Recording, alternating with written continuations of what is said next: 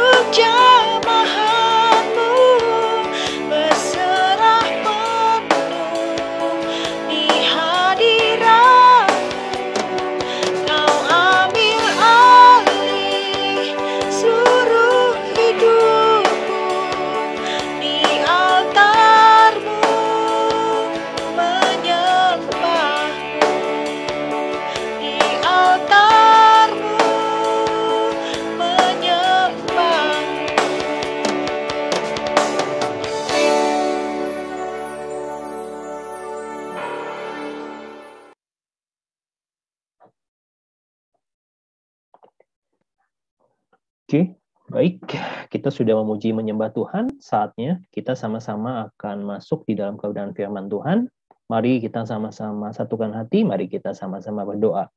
Untuk kebenaran firman Tuhan malam hari ini, Bapak yang baik, Bapak di dalam nama Tuhan Yesus, terima kasih kami sudah memuji dan menyembah Engkau pada malam hari ini. Saatnya untuk beberapa menit ke depan, kami rindu kami mau belajar kebenaran firman-Mu. Mari urapi setiap kami yang hadir malam hari ini, baik kami yang live dari Zoom maupun kami yang menyaksikan secara recorded. Biarlah urapan Tuhan turun, kuasa Roh Kudus menaungi setiap kami, mencelikan setiap mata rohani kami, supaya kami boleh belajar kebenaran firman-Mu, dan kami mengerti kebenaran firman-Mu. Dan biarlah Tuhan juga memampukan setiap kami untuk kami sama-sama menjadi pelaku kebenaran firman-Mu. Di dalam nama Tuhan Yesus, kami serahkan acara pemberitaan firman ini ke dalam tangan-Mu. Haleluya. Sama-sama kita yang percaya katakan. Amin. Oke, shalom semuanya. Bisa kedengaran ya, saya punya suara. Saya harap kita semua bisa kedengaran kok. Dengar dengan jelas. Baik, terima kasih Pastor Charlton. Oke, saya minta izin sama Pastor Charlton. Saya sudah membuat Uh, sorry ya. Oke, jadi saya sudah membuatkan ringkasan tersendiri dari apa yang menjadi bahan kita malam hari ini, yakni kita membahas tentang Roh Kudus. Ya, ini adalah bagian yang kedua. Jadi buat teman-teman yang mungkin yang keskip gitu ya, jadi bisa eh, mencari ya mungkin ya nanti bisa mencari yang ada di YouTube ya YouTube Gereja IHK. Jadi buat teman-teman yang mau belajar kebenaran firman Tuhan ini bisa menyaksikan di YouTube. Oke, baik, kita akan melanjutkan tentang Roh Kudus malam hari ini. Saya cuma beri waktu 15 menit, nanti ada diskusi. Jadi kita akan sama-sama belajar. Jadi saya bukan yang lebih pintar ya. Jadi kita sama-sama belajar. Oke, Baik, malam hari ini kita akan belajar tentang peran Roh Kudus di dalam dunia orang percaya. Tentunya kita sudah belajar apa itu Roh Kudus di minggu yang lalu dibawakan dengan baik oleh Pastor Charlton. Jadi minggu ini saya melanjutkan tentang apa sih peran Roh Kudus di dalam kehidupan orang percaya. Ya, banyak sekali orang tahu tentang Tuhan Yesus, tentang Allah Bapa, tetapi banyak orang Kristen yang sedikit menyadari bahwa Roh Kudus adalah pribadi Allah yang juga punya peranan dalam kehidupan orang percaya. Setidaknya di sini kita akan belajar ada delapan peranan Roh Kudus. Ya, saudara pasti tercengang-cengang ternyata Roh Kudus itu begitu dahsyat dan punya peran yang luar biasa di dalam kehidupan kita sebagai orang percaya. Ya, oke. Bagian yang pertama cepat saja peran Roh Kudus di dalam kehidupan orang percaya. Yang pertama adalah salah satu fungsi atau peranan dia adalah menginsafkan akan dosa kebenaran dan penghakiman. Jadi, saudara yang dikasih Tuhan, ini diambil dari uh, Injil Yohanes pasal 16 ayat 8 sampai yang ke-10. Ya, saya tidak bacakan semua, saya bacakan dengan cepat saja. Injil Yohanes 16 ayat 8 sampai 10 demikian firman Tuhan. Ini perkataan Tuhan Yesus Kristus kepada murid-muridnya dan kalau ia datang, ia itu merujuk kepada Roh Kudus. Kalau Roh Kudus datang, Roh Kudus akan menginsafkan dunia akan dosa, kebenaran dan penghakiman. Ini adalah perkataan Tuhan Yesus sendiri pada saat sebelum dia e, memasuki proses penyalipan ya. Jadi dia berpesan kepada murid-muridnya kalau nanti ketika Tuhan Yesus itu meninggalkan dunia ini gitu, dia akan mengutus penolong ya, yaitu Roh Kudus. Nah, Roh Kudus itu fungsinya apa? Salah satu fungsi peranannya seperti tadi dibahas adalah Roh Kudus itu akan membantu menginsafkan dunia akan dosa, kebenaran dan penghakiman. Ya, lebih detailnya lagi, yang pertama adalah bagian pertama akan dosa. Jadi eh, kita paham dan kita ngerti bahwa di dalam kehidupan orang percaya saya tahu bahwa orang percaya itu tidak pernah yang namanya kebal akan dosa ya tidak kebal akan dosa. Semua orang maupun dia besar, kecil, tua, muda, mau sesenior apa pun, mau hamba Tuhan sekali apa pun, ya pasti namanya orang bisa berbuat dosa. Nah, tapi yang menjadi pembeda, faktor pembeda adalah Roh Kudus itu selalu menjadi pribadi yang lembut yang mengingatkan kita akan dosa.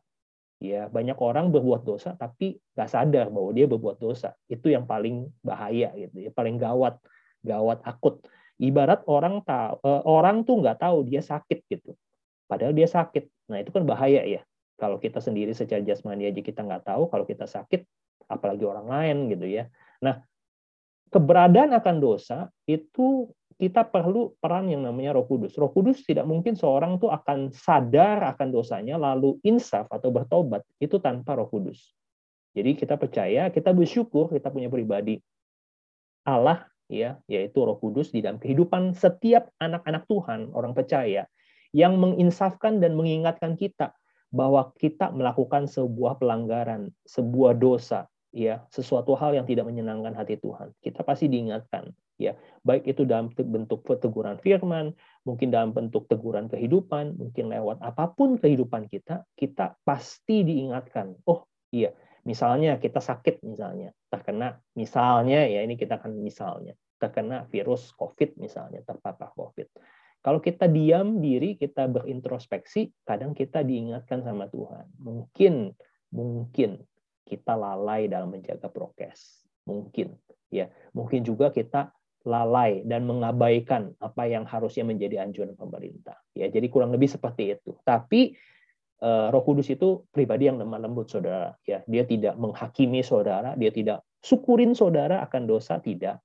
Dia justru mengajak kita untuk insaf. Ya, insaf itu bangkit dari keberadaan dosa, sadar, bangkit dan kembali ya tidak melakukan dosa seperti anak bungsu ya tadi yang diceritakan oleh Pak Gembala hari Minggu tapi khotbahnya kepotong ya cuma anak sulung. Oke. Nah, yang kedua, Roh Kudus juga menyadarkan akan kebenaran. Jadi, yang pertama tadi akan dosa, yang kedua adalah kebenaran. Kita tidak mungkin yang namanya eh, bisa berkata bahwa Yesus adalah anak Allah tanpa ada keberadaan Roh Kudus. Nah, saya percaya setiap mulut orang percaya bisa mengakui Tuhan Yesus sebagai Tuhan dan Juru Selamat. Itu adalah peranan dari Roh Kudus. Roh Kuduslah yang menyingkapkan bahwa kita bisa mengerti, memahami bahwa kita punya juru selamat, kita punya Tuhan, yaitu Tuhan Yesus yang mati di atas kayu salib untuk menebus dosa kita. Ya, jadi kita percaya bahwa Roh Kudus punya peranan bahwa tidak ada seorang pun yang percaya kepada Kristus jika bukan Roh Kudus yang menyatakannya. Nah, jadi dahsyat dan luar biasa. Kalau saudara bisa mengucapkan Tuhan Yesus itu adalah Tuhan Yesus yang hebat. Tuhan Yesus adalah Tuhan dan Juru Selamatku. Maka percayalah bahwa di dalam pribadi saudara itu sudah ada roh kudus. Kalau saudara nggak bisa mengucapin itu, ya saudara bisa mulai berintrospeksi. Saya punya roh kudus atau tidak. Selama saudara bisa mengucapkan Tuhan Yesus adalah Tuhan dan Juru Selamat dalam hidup saya. Maka saya percaya kehidupan saudara ada roh kudusnya. Oke, selanjutnya saya tidak bahas uh, banyak ya, jadi kita langsung saja karena ini hal-hal ini nanti akan ada diskusi ya. Pastinya nanti lebih asik kalau nanti ada diskusi. Nah, yang ketiga akan penghakiman. Saudara-saudara yang dikasih Tuhan, eh, Roh Kudus ini punya peranan akan penghakiman. Jadi kita diingatkan oleh Roh Kudus bahwa iblis telah dikalahkan di atas kayu salib. Ya, penghakiman di sini bukan berarti eh, kita dihakimi tidak. Justru kita perlu mengerti bahwa kuasa iblis ya sangat dosa ya. Kuasa itu sudah dikalahkan oleh siapa? Oleh Tuhan Yesus di atas kayu salib. Ya, iblis sudah tidak punya kuasa lagi. Nah, harusnya kita sebagai orang percaya juga harusnya ya punya sebuah mindset harusnya orang Kristen itu tidak perlu takut setan ya ya saya banyak sekali dengar curhatan dari Pak Gem gitu ya terutama dalam uh, deliverance ministry gitu. Banyak sekali orang-orang tuh takut sama setan takut sama setan.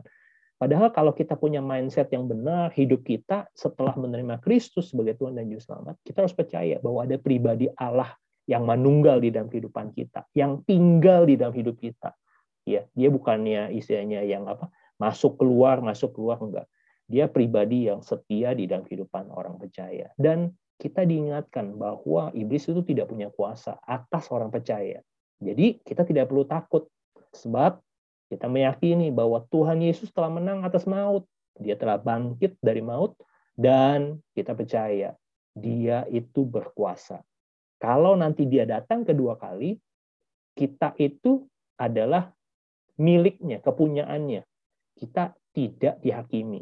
Kita adalah anak, ya. Kita dijemput, ya. Ibarat mempelai itu pasti kita orang yang paling bersuka cita, ya. Pada hari pernikahan itu biasanya kalau kita eh, apa merasakan ya mungkin yang baru eh, baru nikah sudah menikah kalau kita ingat-ingat hari pernikahan kita kita ingat sebagai sesuatu hari yang sangat-sangat ditunggu-tunggu gitu ya. Hari yang mendebah-debahkan. Kenapa?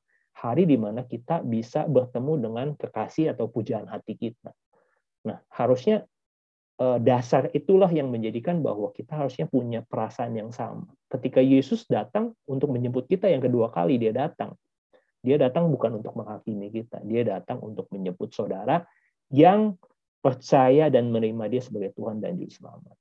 Amin. Ya, jadi saya tidak bahas, nanti bisa didiskusikan dengan Pastor Charlton. Peran yang pertama tadi kita sudah belajar tentang uh, menginsafkan, ya, menginsafkan akan dosa, kebenaran dan penghakiman. Yang kedua, peran Roh Kudus adalah dia juga berdiam dalam diri umat Tuhan. Tadi saya sempat sudah sempat singgung bahwa dia diam atau dia tinggal dalam kehidupan orang percaya. Dan dia bukan hanya tinggal sekedar diam aja gitu, tidak melakukan apa pun.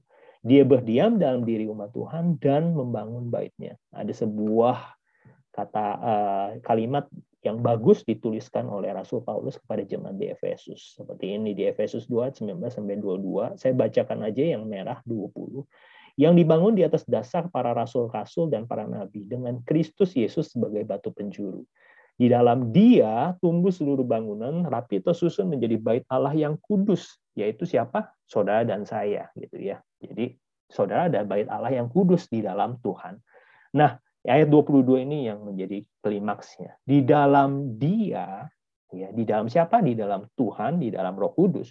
Kamu juga turut dibangunkan menjadi tempat kediaman Allah. Jadi kita itu adalah wadah, kita adalah baitnya, kita adalah rumah Tuhan. Roh Kudus itu tinggal di dalam situ. Ya. Jadi kita perlu meyakini bahwa ketika Roh Kudus tinggal, ya jadikan tempat atau bait yang apa ya menjadi tempat yang sangat menyenangkan. Kita percaya kalau kita tinggal di sebuah tempat atau rumah, kita pasti akan merasa nyaman kalau rumah itu dirawat ya.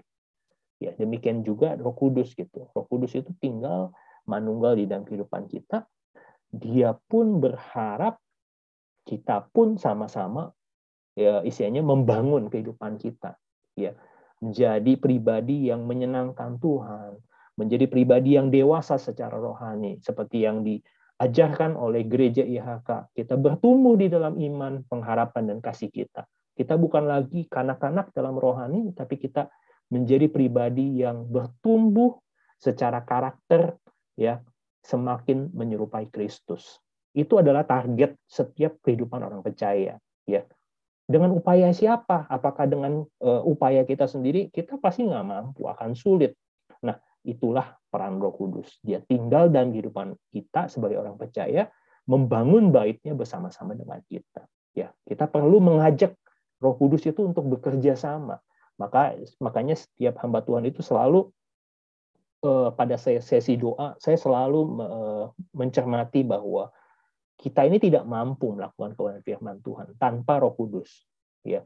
Karena secara daging kita pasti akan menolak perintah Tuhan itu pasti akan menyakitkan buat daging. Tapi kita meyakini bahwa di dalam Tuhan, ya, dengan dengan Roh Kudus, Dia memberikan kita kemampuan. Ya, makanya di Filipi 4 ayat 13 segala perkara dapat kutanggung di dalam dia yang memberikan kekuatan ya jadi di dalam Kristus itu dia memberikan kekuatan kemampuan buat saudara untuk melakukan apa menanggung setiap persoalan untuk apa melakukan kebenaran firman Tuhan sekalipun secara daging nggak menyenangkan tentunya tapi kita mau melakukannya karena ada Tuhan, ada Roh Kudus. Oke, okay, next. Yang ketiga, peranan ketiga, Roh Kudus juga punya peranan tentang yang ketiga adalah mengungkapkan rahasia Kristus. Ya, rahasia apa? Ya, kita baca di Efesus 3 ayat 4 sampai 6. Dikatakan, apabila kamu membacanya, kamu dapat mengetahuinya daripadanya, pengertianku akan rahasia Kristus. ya pada angkatan zaman dahulu tidak diberitakan kepada anak-anak manusia. Tapi yang sekarang dinyatakan di dalam roh kepada rasul-rasul kepada nabi-nabi yang kudus yaitu bahwa orang-orang bukan Yahudi. Karena berita Injil turut menjadi ahli waris dan anggota tubuh dan peserta dalam janji yang diberikan Kristus Yesus. Jadi kita mengerti bahwa zaman dulu itu mungkin roh roh Tuhan itu hanya menghinggapi orang-orang tertentu. Jadi ada imam, ada imam kepala, ada ahli-ahli yang mungkin rasul-rasul, ada nabi-nabi yang mungkin dipilih Tuhan secara spesial, ya, secara secara khusus, ya. Jadi kita mengenal itu. Jadi eh, Tuhan itu berbicara tidak secara audible, secara langsung, ya mungkin eh, Tuhan menggunakan eh, memakai Musa, memakai nabi-nabinya, hakim-hakim, raja, dalam menyampaikan pesan. Tapi kita mengerti sekarang bahwa sekarang tidak seperti itu gitu. Dulu seperti itu, tidak diberitakan. Tapi sekarang setelah Tuhan Yesus di eh, apa mati di atas kayu salib dan dia berjanji bahwa dia mengirimkan Roh Kudus gitu, Roh yang penolong. Roh itu yang akan memberitakan kepada kita, menguatkan kehidupan kita dan mengajarkan kita akan kebenaran firman Tuhan. Jadi kita mengerti bahwa rahasia itu bukan lagi milik milik orang-orang yang dulu dikatakan orang yang uh, terpilih saja, tetapi saudara adalah uh, imamat yang rajani, bangsa yang terpilih, umat kepunyaan Tuhan gitu. Ya. Jadi saudara adalah ahli waris kerajaan sorga. Jadi bukan hanya orang Yahudi pada saat itu. Ya kita mengerti bahwa eh, orang-orang Israel atau orang Yahudi itu punya privilege khusus ya, punya punya sebuah apa ya sebuah privilege itu apa? Sebuah eh, hak khusus gitu ya. Mereka itu menerima janji. Mereka dipilih Tuhan ya kita nggak bisa bertanya kenapa Tuhan Yesus uh, apa Tuhan memilih bangsa Israel? Kenapa nggak bangsa Indonesia? Ya kita nggak bisa menanyakan kedaulatan Tuhan.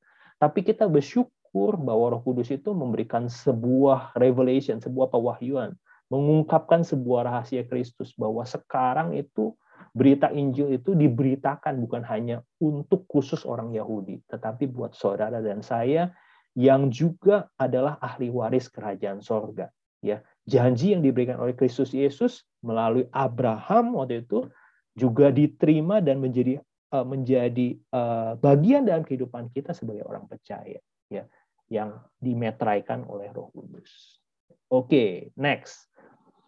Peranan keempat, Roh Kudus juga punya peranan untuk mempersatukan orang percaya. Nah, di dalam Efesus 4 ayat 1 sampai 6 ini banyak, tapi saya bacakan saja di ayat yang ketiga mulai tiga. Hendaklah kamu selalu rendah hati, lemah lembut dan sabar, tunjukkanlah kasihmu untuk salah saling membantu dan berusaha memelihara kesatuan roh oleh ikatan damai sejahtera, satu tubuh, satu roh, ya, koma, sebagaimana kamu telah dipanggil kepada satu pengharapan yang terkandung dalam panggilan satu Tuhan, satu iman, satu baptisan, satu Allah dan Bapa dari semua. Jadi eh, kita percaya bahwa banyak sekali orang-orang di luar sana eh, berkonflik ya. Jadi saya nggak cocok sama si A ya, sama si Kristen gitu. Jangankan ini ya, jadi jangankan lain agama gitu satu agama aja kadang-kadang kita punya suka punya konflik gitu. Jadi tapi kita harus meyakini bahwa Roh Kudus itu mengingatkan dan punya peranan yang sangat besar dalam mempersatukan kita sebagai orang percaya. Kita mungkin juga punya latar belakang keluarga, cara pendidikan yang berbeda, cara uh, budaya yang berbeda, adat istiadat yang berbeda ya. Namun di dalam satu gereja kita bisa sama-sama bersatu hati, merendahkan hati kita untuk tunduk ya di dalam satu pimpinan, di dalam satu kehendak Tuhan, yaitu kita belajar untuk sama-sama membangun ya, membangun kehidupan kita ya, sama-sama menyatakan kasih kita. Nah, itulah indahnya Roh Kudus ya. Jadi di dalam gereja itu kita percaya bahwa ada kuasa Roh Kudus yang bisa mempersatukan kita. Orang-orang percaya sekalipun dengan berbagai latar belakang yang berbeda yang seperti tadi saya sebutin ya mungkin ada pendidikan beda mungkin ada yang latar belakang uh, apa uh, keluarganya berbeda sukunya berbeda dan lain sebagainya tetapi ketika kita berbicara sebagai orang percaya saudara percaya Tuhan Yesus sebagai Tuhan dan Juru Selamat? Saya juga percaya. Kita percaya bahwa di sana kita mendapatkan satu titik temu, yaitu apa?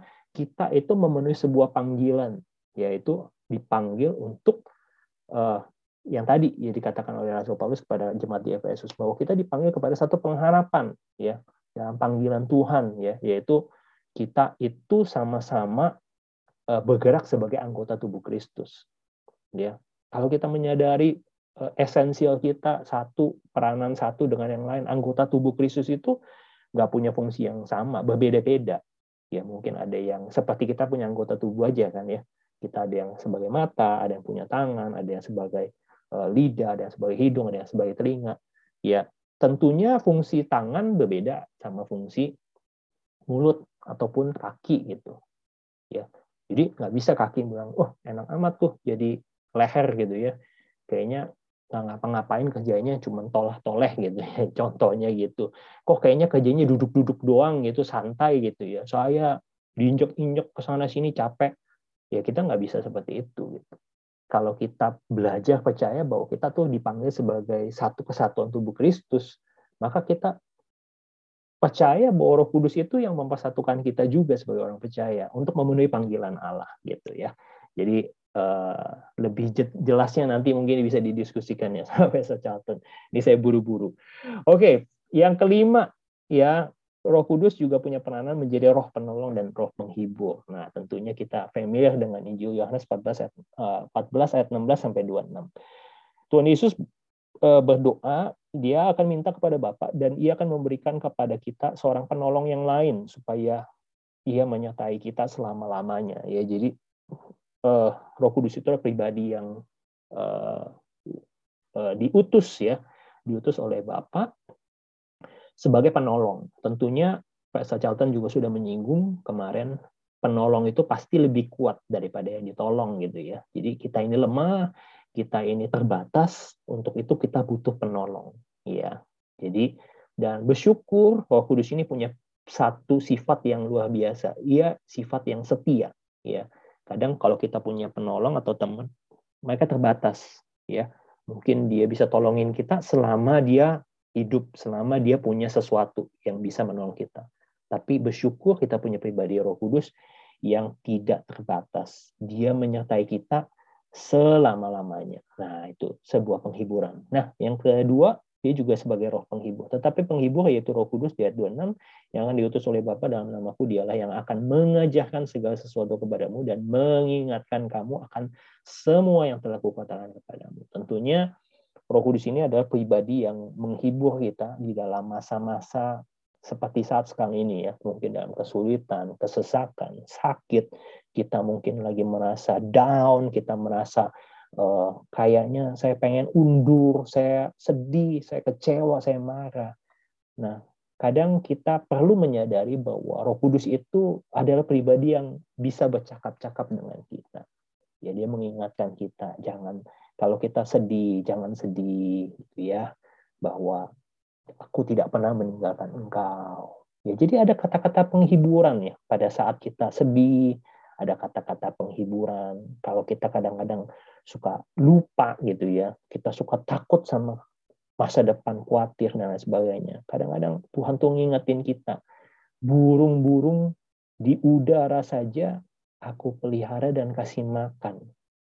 Ya, bunga bakung yang lebih indah daripada uh, bajunya Raja Salomo aja itu aku pelihara apalagi kamu gitu kadang-kadang kan kita seperti manusia itu suka lupa ya saudara-saudara ya. Suka lupa suka suka khawatir gitu ya. Mengkhawatirkan sesuatu yang kadang-kadang belum jelas terjadi tapi kita khawatir. Nah fungsi Roh Kudus itu menjadi menghibur ya mengingatkan kita kembali akan apa yang mungkin sudah diajarkan Tuhan melalui firman Tuhan. Seperti itu ya. Yang keenam Roh Kudus juga membantu menghasilkan buah taubatan. Ya, jadi ini adalah salah satunya di Galatia 5 ayat 22 sampai 23 penting. Buah ialah kasih, sukacita, damai sejahtera, kesabaran, kemurahan, kebaikan, kesetiaan, kelemah lembutan, penguasaan diri. Tidak ada hukum yang menentang hal, itu. Jadi kita percaya kita sebagai kehidupan orang percaya, kita dipanggil, kita mengakui Tuhan Yesus sebagai Tuhan Juru Selamat, bukan hanya berhenti di situ.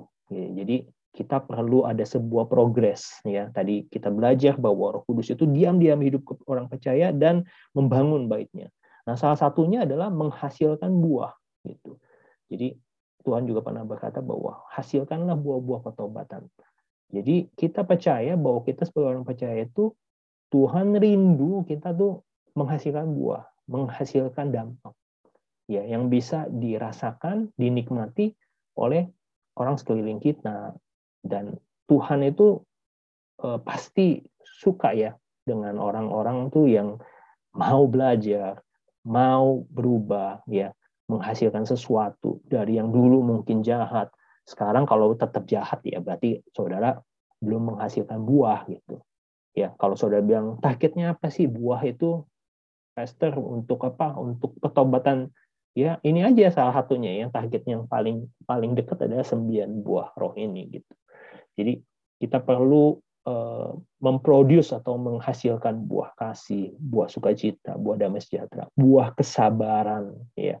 Yang mungkin orang bilang, wah susah ini ya, lima huruf S A B A R, susah, gampang diucapin, susah. Ya, saya percaya ketika kita diproses di dalam Tuhan, pasti hal-hal seperti itu bukan sebuah susah ya. Yang penting adalah mau atau tidak mau asal mau nurut sama Tuhan, menurut saya tidak ada yang susah gitu. Karena bagi Tuhan tidak ada yang mustahil kata uh, di dalam Lukas 1 ayat 37. Bagi Tuhan tidak ada yang mustahil. Jadi kita yang suka mustahil mustahilin gitu ya, nggak bisa gini, nggak bisa itu. Itu karena kitanya yang nggak mau gitu. Tapi kalau kita mau, kita belajar, kita nurut sama Roh Kudus, saya percaya dia akan mengajarkan apa itu sabar, dan bagaimana kita harus sabar. Ya, tentunya banyak ya tentang buah-buah ini. Jadi uh, saudara bisa nanti bisa diskusi, bertanya. Saya kurang murah hati nih, Pastor ya. Nanti coba tanya sama Pastor Charlton. Dia termasuk orang yang juga murah hati ya karena dia menyediakan banyak sekali pengajaran-pengajaran dan saya harus banyak belajar juga ya. Jadi saya hari ini mempersiapkan ini saya jadi ikutan belajar saudara-saudara. Jadi yang ketujuh, peran Roh Kudus adalah membantu umat Tuhan untuk memiliki kasih dan mengasihi. Nah, ini ya tantangannya. Kata Pak Agam itu mendapatkan tema ya. Jadi eh, orang Kristen itu senang menerima ya, menerima sesuatu, menerima berkat, menerima anugerah, menerima kesembuhan, menerima apalagi lah pokoknya yang terima terima terima terima itu wah seneng banget itu terima makanan, terima duit, terima berkat, terima kesembuhan, terima pemulihan. Pokoknya yang terima itu judulnya pasti sembuh. Tapi Roh Kudus itu punya peranan satu ya yang dalam hidup orang percaya. Ini harus diaktifasi kembali dalam hidup orang percaya. Dia membantu umat Tuhan untuk memiliki kasih dan mengasihi. Kalau memiliki kasih itu juga cuma pasif doang, memiliki, punya buat sendiri. Tapi kita mempunyai kasih yang aktif, Ya baca dulu di dalam Roma 5 ayat 5. Pengharapan tidak mengecewakan karena kasih Allah telah dicurahkan di dalam hati kita oleh Roh Kudus yang telah dikaruniakan kepada kita. Jadi kita percaya bahwa ketika kita menyadari betapa besarnya kasih Kristus di dalam kehidupan kita, maka kita akan bisa menyalurkan kasih yang besar itu kepada orang sekeliling kita. Kalau kita tidak menyadari seberapa besarnya kasih Tuhan mengampuni, menebus setiap dosa pelanggaran kita, dosa kita, hutang dosa kita, ya tadi saya baca di di apa di renungan pagi gitu ya. Dosa yang mungkin udah kita seperti hutangnya lebih besar, ya mungkin 10 eh, apa kemarin tadi saya baca 10.000 dinar gitu ya. Satu talenta 6.000 dinar kurang lebih itu bayarnya itu satu hari kan satu dinar ya kalau satu satu talenta itu 6.000 dinar, berarti kita harus bayar itu 166 tahun. Itu dihapusin. Ya, orang yang punya hutang itu satu talenta itu, satu talenta itu dihapusin. Tapi ketika dia punya teman hutang sama dia, 100 dinar. Jadi temennya itu sampai dijeblosin ke penjara. Pokoknya kamu harus bayar hutang. Jadi itu menyadarkan kepada saya bahwa kadang kita tuh sebagai manusia tuh lupa bahwa dosa kita yang besar sudah diampuni. Ya, ayo kita dengan kita menyadari seberapa besar dosa kita sudah diampuni, sudah selayaknya lah kita menunjukkan betapa kasih Tuhan yang murah hati itu mengasihi kita dan kita tunjukkan bagaimana kita mengasihi orang-orang di sekeliling kita. Ya, tentunya pasti nggak mudah ya, pasti saudara punya pikiran banyak. Wah, saya nggak bisa Esther mengasihi orang ini ya. Orang ini banyak kerap kali menyakiti saya. Orang ini menyebalkan orang ini kecewakan saya. Saya pun belajar saudara. Nggak mudah memang. Tapi sekali lagi Roh Kudus yang ada di dalam kehidupan saudara dan saya akan memampukan saudara ya. Memberikan pengetahuan memberikan uh, penghiburan menolong mengingatkan apa yang diajarkan pada hidup saudara untuk saudara bisa melakukan bisa mengasihi orang-orang yang mungkin saudara pikir atau tidak layak menerima kasih saudara. Ya, pasti akan dimampukan. Oke, yang terakhir ya, peran Roh Kudus yang terakhir memberi kemerdekaan atas dosa. Jadi kita baca di dalam 2 Korintus 3:17 sebab Tuhan adalah roh, di mana ada roh Allah atau Roh Kudus, di situ ada kemerdekaan. Saya percaya bicara tentang kemerdekaan ini bicara tentang menjajah atau ikatan. Saya nggak tahu ya, banyak orang tuh orang percaya juga punya ikatan. Banyak orang percaya, ya saya nggak ada ikatan. Mungkin ada adiksi, kebiasaan-kebiasaan lama kita, kebiasaan-kebiasaan buruk kita. Mungkin kita malas, mungkin kita masih melakukan dosa, kita masih mungkin mabuk-mabukan, kita masih judi, kita masih ngerokok, kita masih narkoba, kita mungkin masih free sex atau kita masih melakukan hal-hal yang tidak berkenan di hadapan Tuhan. Mungkin saudara bilang, aduh, saya susah, namanya narkoba udah adiksi, udah kecanduan. Kalau saya nggak ngisep, kayaknya mulutnya asem dan lain sebagainya. Saudara yang dikasih Tuhan, kita perlu sadar bahwa Roh Kudus itu ada pribadi Allah yang akan memberikan sebuah hal di dalam kehidupan kita dia mau hidup saudara itu hidup yang berubah ya. Berubah dan berbuah ya. Dan kita harus meyakini bahwa dia itu sanggup ya. Sekali lagi dia itu sanggup. Masalahnya adalah kita mau nggak memberikan dia akses gitu ya untuk mengontrol kehidupan kita. Karena kita percaya bahwa ketika ada roh Tuhan di situ ada kemerdekaan. Ketika kita menyadari bahwa dia itu adalah kebenaran, sang pribadi kebenaran itu. Dia akan mencelikan mata rohani kita. Ya, jadi bukan lagi uh, soal boleh atau tidak boleh gitu. Kadang kan kita suka gitu ya bernegosiasi sama Tuhan. Kita suka menunda gitu ya, menunda perubahan, bernegosiasi sama Tuhan. Bukan soal boleh atau tidak boleh. Kita akan lebih diingatkan bahwa benar atau tidak benar gitu. Yang kita lakukan itu benar atau tidak benar. Jadi benar atau tidak benar itu sifatnya absolut. Kita tidak bisa bernegosiasi tentang kebenaran. Gitu. Kalau boleh atau tidak boleh kan menurut saya boleh. Menurut Pastor Charlton mungkin nggak boleh gitu. Menurut saya boleh nih makan daging eh apa menurut Pastor Charlton makan daging banyak-banyak boleh gitu. Mungkin menurut saya, wah saya kalau makan kebanyakan pala saya pusing mungkin seperti itu. Jadi boleh atau tidak boleh itu ukurannya berbeda. Tapi kalau bicara mengenai kebenaran, saya percaya apa yang dikatakan Tuhan bagi Pastor Charlton sama saya ya sama. Ya, di mana ada roh Tuhan, di situ ada kemerdekaan.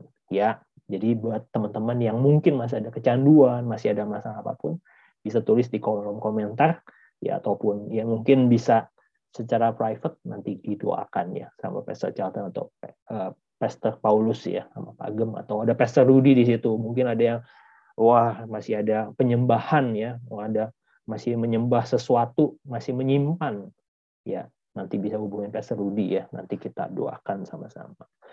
Oke, okay, jadi terakhir sebagai orang yang telah mengambil keputusan untuk menerima Kristus sebagai Tuhan dan Juru Selamat, tentu kita harus juga mengundang Roh Kudus untuk masuk di dalam hidup kita.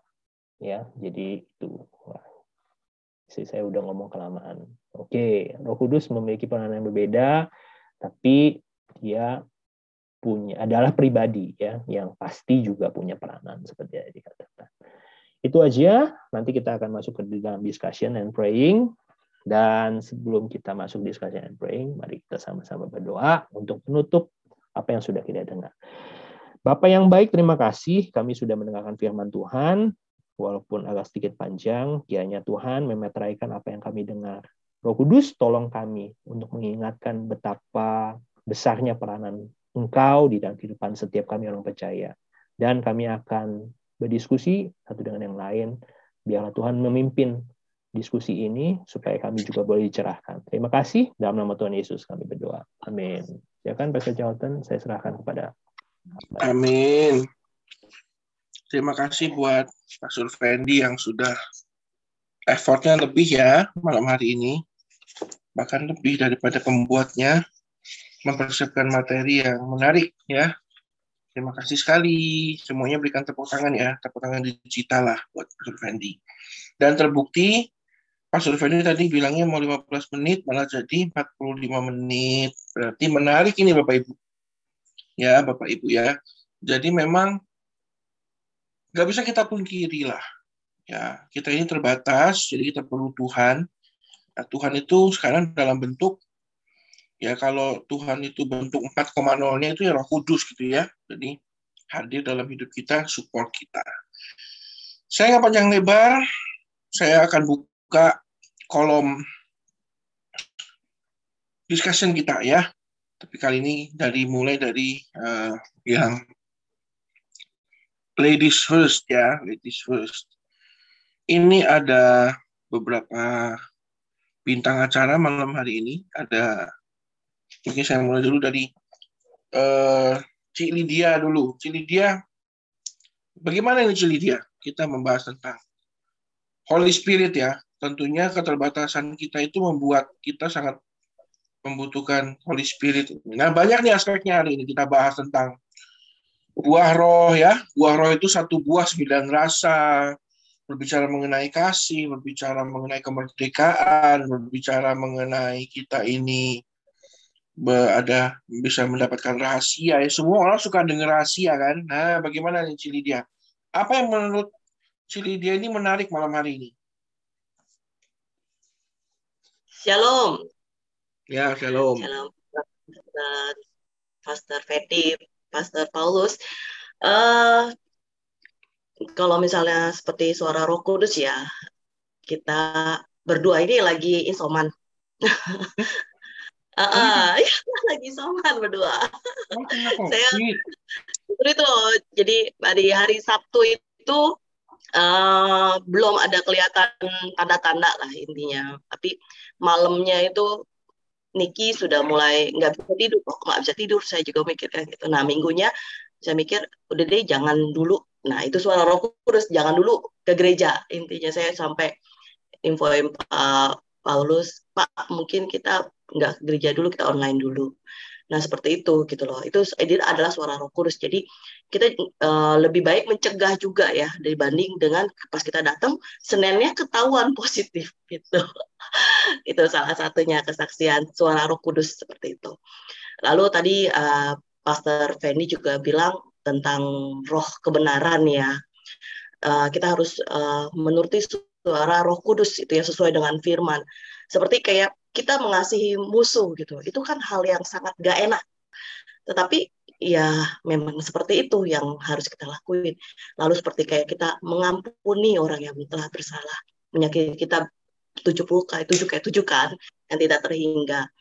Itu mungkin uh, sebagai manusia kita akan sulit menjalaninya tetapi dengan bimbingan Roh Kudus itu dipermudahkan untuk bisa mengampuni musuh uh, terus uh, mengasihi musuh dan mengampuni orang yang telah melukai kita.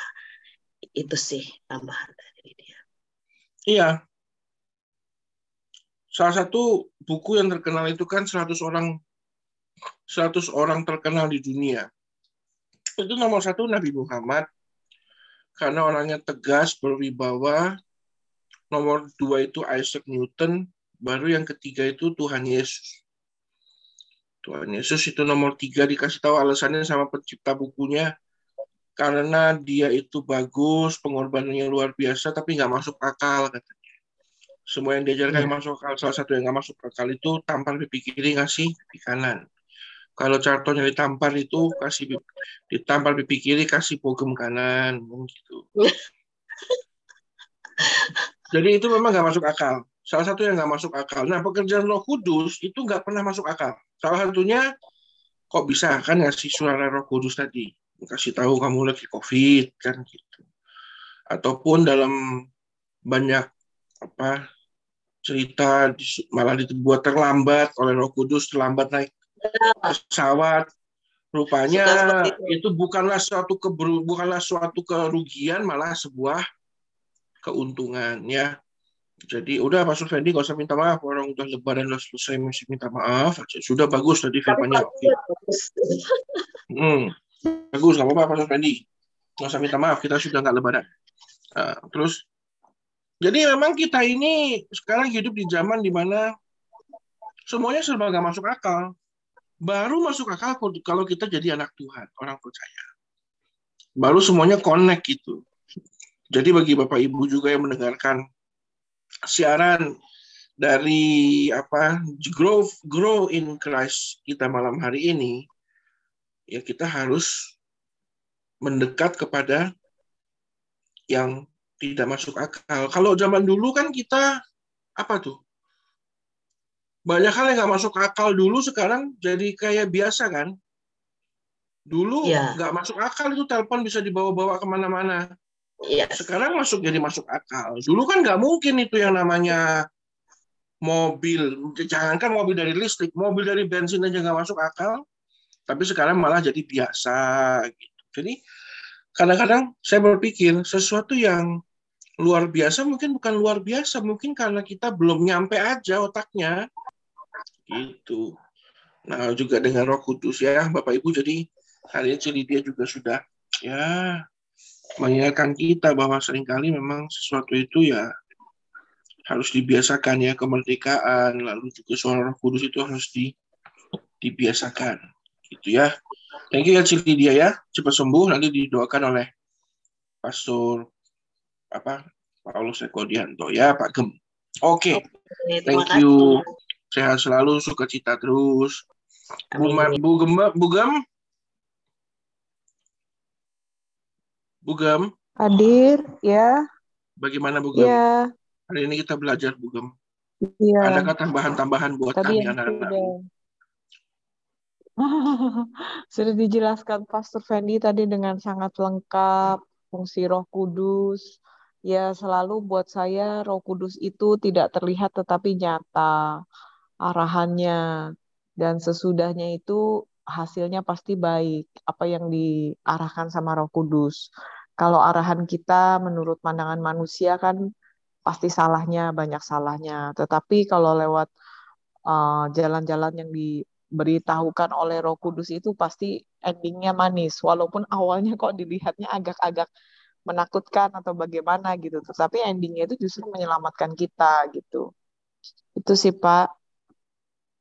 Iya, banyak orang bilang ikut Roh Kudus itu kayak naik roller coaster katanya. Nah, kadang-kadang Jadi, ya. menakutkan tetapi nagih katanya. ya. Iya.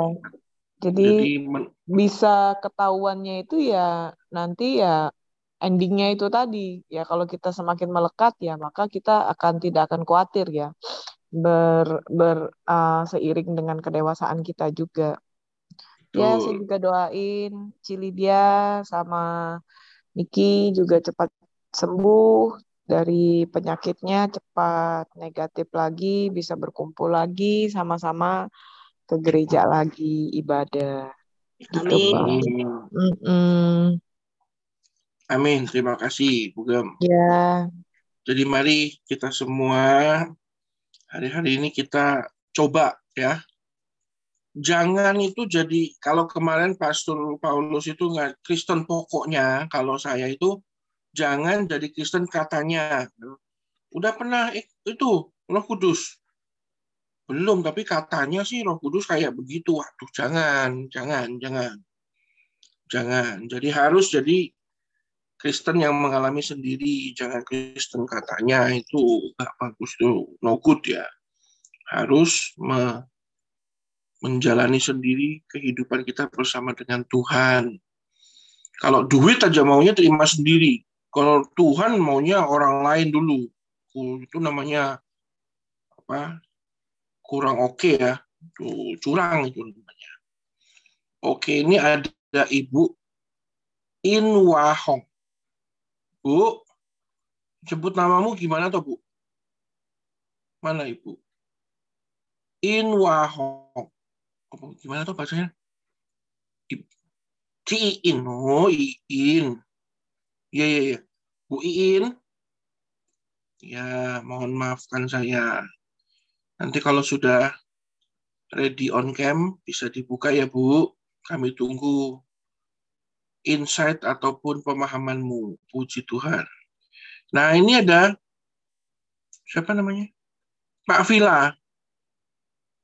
Pak Vila kok namanya kayak pemain dari Brasil ini Bobar ini apa? Pak Vila Alase dari Bogor. Ya. Bogor baru apa apa? Shalom, Shalom Pak. Ya sorry, eh, saya telat masuk dan saya nggak tahu nih handphone saya yang hang atau gimana suaranya sangat sangat kecil banget. Oh begitu. Ikuti aja dulu, Pastor. Baik Karena baik. Yang Ya. Dibicarakan samar-samar kedengaran. Baik, baik. Mungkin di sono lagi hujan atau bagaimana, sinyalnya jadi kurang bagus, bisa juga. Nggak apa-apa. Pastor Villa yang penting Baru sehat selalu ya. Baru selesai hujan deras sih. Oh iya, iya, iya. Mungkin suaranya ke bawah angin, Pak. Bisa jadi. Bisa jadi ini maling sama angin. Yang penting nanti coba dicari lagi. Ngumpet di ke- salah. Nanti dicari suaranya, masukin lagi ke handphonenya, Pak. Takutnya nanti suara handphonenya kurang suara. Lagi ngumpet di gunung Oh. salah. Iya, itu satu satu-satunya salah berbentuk gunungnya cuma tempat Bapak doang. Oke, Ya, terima kasih ya. Salam buat amin. keluarga ya, Pak. Sehat selalu ya. Ya, Tuhan berkati. Oke, itu tadi kontingen kita dari Bogor. Ini langsung kita loncat dulu sama-sama Jawa Barat. Pak Daniel Fernando. Pak Daniel Fernando. Nah, bagaimana? Ya, tuh. Ah, Bandung Lautan Api. Tuhan. sekarang Bandung Lautan Roh Kudus. Ya. Ini Ya, kita berbicara Tuhan, mengenai Roh Kudus ini. Tentunya Iya, Pastor. Daniel kan dibawa Tuhan ke Bogor, eh ke, Ba- ke Bandung itu kan juga karena Roh Kudus toh. Kira-kira gimana pengalamannya bersama dengan Roh Kudus? Puji Tuhan, untuk pengalaman saya dituntun Roh Kudus luar biasa tuh. Ya. Jika kita dituntun Roh Kudus, maka hidup kita tuh tidak, tidak akan pernah salah. Gitu. Hmm. Kalimatnya menarik ya. Ikut Roh Kudus tidak pernah salah ya. Hidup Roh Kudus kita tidak akan pernah salah. Jika Roh Allah atau Roh Kudus tidak diam di antara kita, maka kita bukan milik Allah. Jadi Hmm. kalau Kristus sudah Roh Kudus tinggal di dalam hidup kita, berarti kita adalah milik Allah. Hmm. Kuncinya untuk kita memiliki Roh Kudus adalah kita harus mengasihi Allah itu sendiri. Kalau kita Ya. tidak mengasihi Allah, maka kita bukan milik Allah dan maka Roh Kudus tidak akan pernah tinggal di dalam hidup kita. Jadi, kalau kamu mengasihi aku, kamu akan menuruti segala perintahku, aku akan minta kepada Bapa dan ia akan memberikan kepadamu seorang penolong yang lain supaya ia menyertai kamu selama-lamanya yaitu roh kebenaran itu kira-kira Ya. seperti itu Penolong, Parakletos itu. The one. The one and only ya.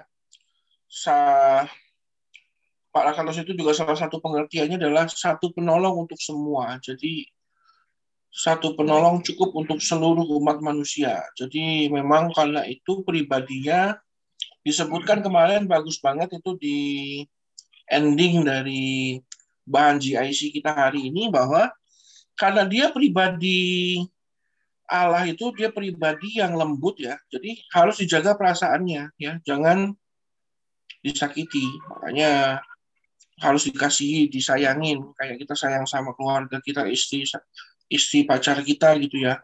Jangan disakiti. Kalau Tuhan Yesus itu sampai disakiti, sampai disalib, dia masih nggak marah tuh. Tapi kalau Roh Kudus kita sakiti perasaannya, bahaya itu disebut dosa yang tidak terampuni ya Bapak Ibu. Nanti kita kita pelajari itu di kelanjutan mungkin dari kelas ini kita akan belajar tentang dosa yang tidak terampuni dan bagaimana kita bersikap terhadap Roh Kudus ya. Oke, Pastor Daniel, tetap semangat di Bandung. Kalau kalau ada kesempatan nanti kita ke Bandung ya, kita ngopi-ngopi di Bandung. Puji Tuhan. Eh, tunggu, Pastor. Oke, ini ada Bapak Karolus Dedi. Karolus Dedi. Shalom Pak Karolus. Eh, shalom Pak Karolus. Shalom Pak Dedi. Pak, CD lah ya. Pak CD. Shalom. Oh ini, ini ya. Mic-nya mau dinyalakan dulu. Iya. Iya Pak. Ini kita sebagai duo beruang ini kita. Bagaimana kita itu dua, tentang dua. Roh Kudus? Waduh. Kalau minggu lalu saya bilang ada Roh Kudus, berarti ada Roh Kuda, Pak. Nah, roh iya, Pak. Roh kuda, roh kuda, ada Roh Kudus, ada Roh Kuda. Itu namanya roh yang kurang ajar, Pak. Hmm. Gimana, ya, Pak? Ya. Pengalaman Anda dengan apa Roh Kudus utama kita hari ini belajar tentang peranannya dalam kehidupan kita orang percaya itu kan dekat kita dekat kita itu tanpa sadar itu kita setiap hari butuh pertolongan Tuhan saya kemarin itu ada meeting di SCBD ya bukan Citayam Fashion Week loh ya tapi saya ke SCBD beneran ini Cari parkirnya nggak dapat, akhirnya doa sama Tuhan. Tuhan, gue minta tolong parkiran. Dikasih. Benar-benar depan pintu masuk itu luar biasa. Itu parkiran VVIP. Nah, jadi gimana tuh Pak? Apakah seperti itu juga? Kalau menurut saya ya iya ya. Tuhan itu ya bantunya Roh Kudus seperti itu. Bagaimana menurut pengalaman Bapak Dedi? Iya. Oke, tadi juga sebelumnya minta maaf telat agak masuk agak telat karena ada beberapa hal di jalan dulu baru masuknya udah di tengah-tengah Pastor Fendi tadi udah bicara banyak cuman saya rasa Pastor Fendi sudah memberikan banyak hal uh, yang mengenai tentang tentang Roh Kudus. Oke. Okay. Kalau kita mau bicara masalah Roh Kudus untuk khususnya saya pribadi uh, selama kita mau uh, kita ikut uh, Tuhan kemudian kita mengandalkan Roh Kudus itu boleh dikatakan kalau pakai bahasa saya itu uh, ngeri-ngeri sedap. Ngeri-ngeri sedap. Seperti tadi Pastor Charlton bilang kayak mau naik roller coaster, ya kan? Ya, ngeri-ngeri sedap gitu ya. Memang terkadang uh, kita khususnya di dalam uh, di dalam pelayanan selama saya uh, masuk dalam pelayanan terkadang kita juga harus sudah memang sangat-sangat mengandalkan Roh Kudus. Karena kita percaya pada saat kita tidak mengandalkan Roh Kudus maka kita akan akan akan apa ya akan ngawur dalam dalam berjalan dan tidak masuk dalam koridornya Tuhan dan sesuai dengan yang uh, purpose-nya kita uh, yang Tuhan inginkan dalam dalam dalam hidup kita gitu dan sering kali sering kali uh, saya menemukan terkadang uh, seperti suatu hal yang nggak mungkin mengikuti uh, kemauan dari Roh Kudus. Masa sih seperti ini? Masa sih harus harus melalui seperti ini? Masa sih harus begini gitu kan? Tetapi pada saat kita berserah sama Roh Kudus apa yang Roh Kudus mau dalam dalam kehidupan kita dan kita eh, dengar-dengaran dengan dengan Roh Kudus itu ada satu pekerjaan Roh Kudus yang luar biasa yang terjadi dalam hidup kita khususnya kalau kita sudah masuk dalam dalam pelayanan ya itu itu benar-benar kita harus mengandalkan Roh Kudus karena di di kita tahu bahwa Tuhan mau pelayanan kita ini tidak stuck Tuhan mau pelayanan kita ini berjalan uh, selalu naik dan bahkan bahkan dinamis gitu ya. Karena kita tahu kalau misalkan di mesin EKG di, di rumah sakit kalau stuck itu ya mati. Gitu kan tuh. Hmm. Gitu itu kan. ada bahasa Jermannya itu. Oh, ada bahasa Jerman ya. Apa itu, Mas? Koit. Oh iya iya iya iya iya. Ya. Koit, koit. Koit itu bahasa Jermannya koit. Iya iya iya iya iya iya ya. Tewas, tewas, kok tewas.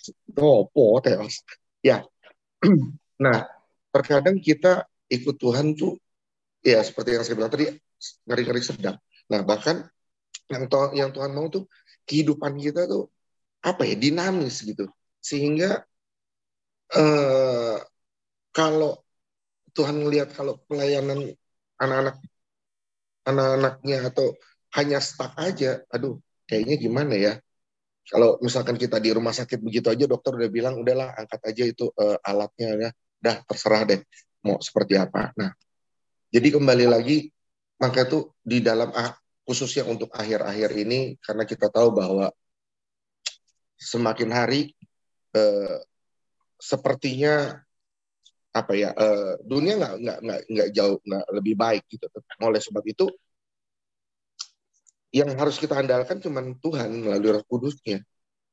Karena kalau kita tidak mengandalkan Roh Kudus, percayalah kita akan ngaco ya, uh, apa uh, dalam langkah gitu. Dan akhirnya dulu ya. Dan kita percaya bahwa kalau kita kita berserah sama Tuhan, kita minta terus uh, pimpinan Tuhan setiap hari, every day kita minta uh, Tuhan untuk guiding kita. Saya percaya banget bahwa Tuhan akan guide kita gitu loh.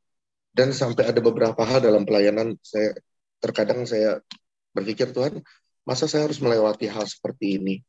Masa saya harus harus harus seperti ini uh, uh, sampai Tuhan bentuk seperti ini. Tapi eh, terkadang itu yang yang yang yang yang yang Tuhan mau.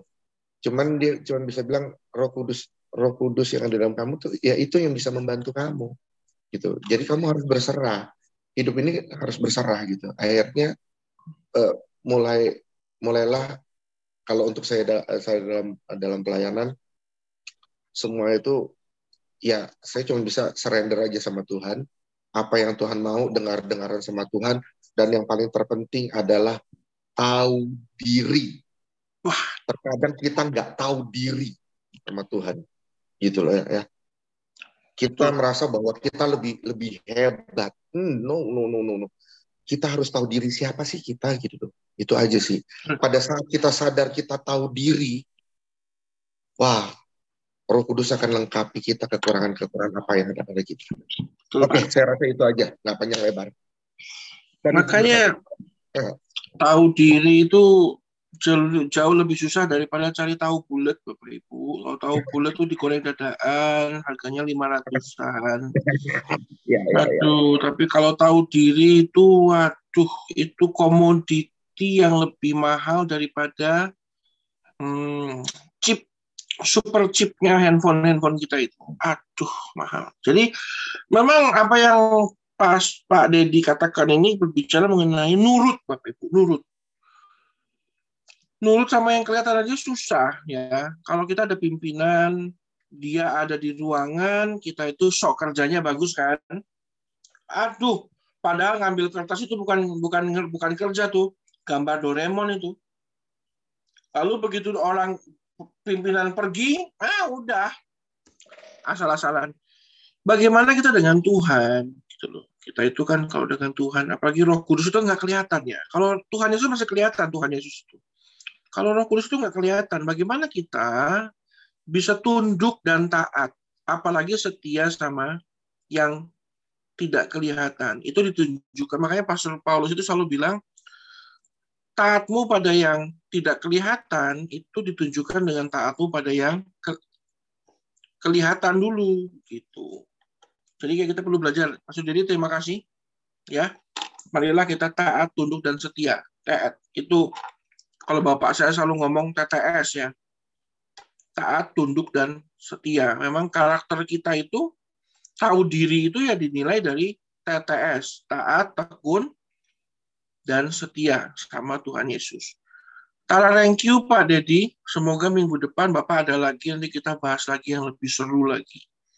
Ya puji Tuhan. Pak Pak Surudi tidak lengkap tanpa engkau menambahkan sesuatu Pak Surudi. Ya, shalom hambanya. Shalom Pak. Ya, malam hari ini sungguh cukup cukup lengkap lah Pak dari hambanya Pastor Fendi, dari Pastor Dedi, uh, dari Bugem, ya sudah menambahkan dari Pastor Daniel. Ya saya berasa ya kita semuanya ya tetap harus belajar, tetap harus rendah hati karena seperti Pak Sir bilang, Roh Kudus itu adalah roh yang lemah lembut. Ketika kita mau membuka hati, berarti kita harus belajar rendah hati. Dan kita mulai terima roh kudus yang lemah lembut itu supaya kita tetap ada di dalam roh kudus dan supaya kita tetap hidup bersama dengan roh kudus. Karena roh kudus itu adalah roh yang lemah lembut. Ya seperti itulah penambahan dari saya. Banyak. Betul. Jadi Pak Surudi mengingatkan kita Bapak Ibu, terima kasih Pak Surudi, bahwa roh kudus itu lemah lembut ya. Nah, Bapak Ibu kalau kita pelajari tentang Tuhan ya, tentang apa?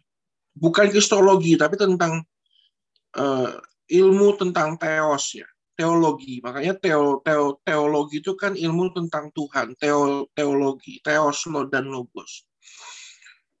Allah Bapa itu keras Bapak Ibu. Allah Bapa itu di perjanjian lama tuh keras. Mata ganti mata, gigi ganti gigi. Ya toh? Makanya eh, siapa namanya Mahatma Gandhi bilang kalau saya masih sistemnya mata ganti mata gigi ganti gigi itu separuh dunia ompong dan separuh dunia buta katanya. Lalu muncullah namanya Tuhan Yesus ya. Allah Allah yang penuh kasih, sabar. Tapi kadarnya tuh pas gitu loh kalau Tuhan itu. Tuhan Yesus itu tuh kadarnya pas ya. Enggak enggak beringas kayak Tuhan kita di perjanjian lama ya yang main kalau kita baca di perjanjian lama kan tebas sana potong sana bunuh sini bakar situ kan gitu. Air bah hujan belerang waduh serem. Lalu Tuhan kita baik ya. Kadarnya tuh pas ya. Pertamina pasti pas itu kalau Tuhan Yesus ya. Lalu tiba-tiba muncul zaman anugerah di bawah pimpinan Roh Kudus. Di mana roh kudus kita itu sangat sensitif Bapak Ibu. Jadi saya harus berikan peringatan. Ini disclaimer, super, super, super disclaimer. Tuhan kita yang namanya roh kudus itu, itu sangat sensitif.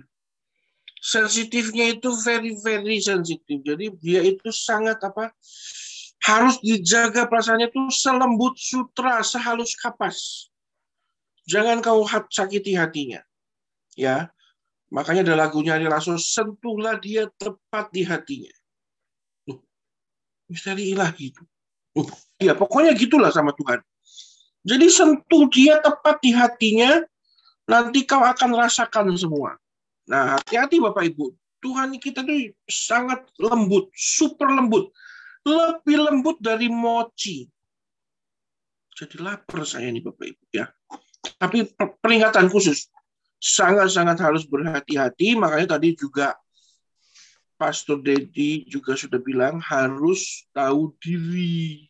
Jangan cuma tahu bulat. Nanti bulat kayak saya. Terima kasih Pak Surudi. Ya, Memang terima kasih Pak Sultan. Penambahan Anda itu selalu pelan-pelan tapi pasti ya. Kayak tanjakan nagrek Bapak itu. Puji Tuhan. Terima kasih Pak. Nanti terima kasih saya, saya, kalau Pak Santo itu kan Siti Siti Jaulawi Pak, dia tuh turunannya maut kalau Pak Santo itu. Nanti belakangan dia. Koniki, jangan kau pikir istrimu sudah ngomong kau selamat juga dari panggilan saya. Pak Niki, mana dia? Ah. iya, iya, iya, iya, iya, iya, iya. Tetap saya panggil walaupun engkau sedang COVID, tapi COVID kayaknya nggak kenapa-napa. COVID pun hmm. disertai Tuhan sehingga tidak terjadi rasa sakit. Ya. Iya, amin, amin. Cuma amin. Oh iya, saya juga meriang, makanya saya habis dikerokin ini. Tuh, dikerokin saya. Hmm. Ya, ya kalau untuk eh, pembahasan soal Roh Kudus ya, kalau untuk kesaksian sih saya banyak banget tentang Roh Kudus. Eh, terus gimana Roh Kudus bekerja dalam hidup saya. Cuman saya ambil satu yang simpel aja deh ya. Satu, satu, satu. satu. Ya, satu hal yang simpel kesaksian. Yang Roh Kudus mengarahkan saya ya ke hidup, mengarahkan hidup saya uh, untuk mempertemukan pawang saya. Ya sampai sekarang. Ini buktinya. bukti dari Roh Kudus. Iya, iya, iya. Saya cukup memahami itu. Iya, itu. Ya bisa mengendalikan keliaran saya itu ya.